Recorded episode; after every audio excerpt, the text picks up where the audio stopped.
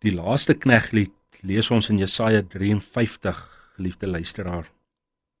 Weens die moeitevolle lyde van sy siel sal hy dit sien en versadig word. Deur sy kennis sal my knegg die regverdige baie regverdig maak en hy sal hulle skuld dra. Deur die lyde van die knegg, ons Here Jesus Christus, word ons weer in 'n versoende verhouding met die Vader herstel. Hierdie vierde kneglied is sekerlik die mees bekende van almal in die Bybel. Dit word die meeste in die Nuwe Testament aangehaal.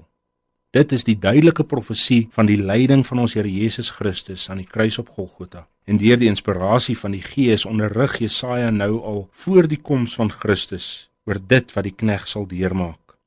Die gevolg wat dit vir die kinders van God sal hê. Wanneer die knegg in die volheid van die tyd geopenbaar word, sal die mense verstom van verwondering wees oor hierdie gestalte. Hy is die een wat as koning sal kom, wat deur die Here verhef sal word.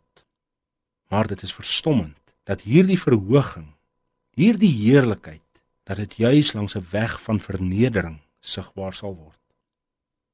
Nou in die grootste gedeelte van hierdie lied word daar baie klem geplaas op die lyding waardeur hy sal gaan. Die lyding van die knegg word egter nie net aan die kruisgebeure gekoppel nie. Dit was inderdaad die dieptepunt van sy lyde, maar eintlik was sy hele aardse bestaan gekenmerk deur lyding, benoudheid. Ja, dit was vir hom 'n geweldige aanslag. En wat verder rondom die lyding van die dienaar geopenbaar word, is dat hy nie ter wille van homself of ter wille van sy eie dade gelei het nie, maar juis ter wille van ons sin.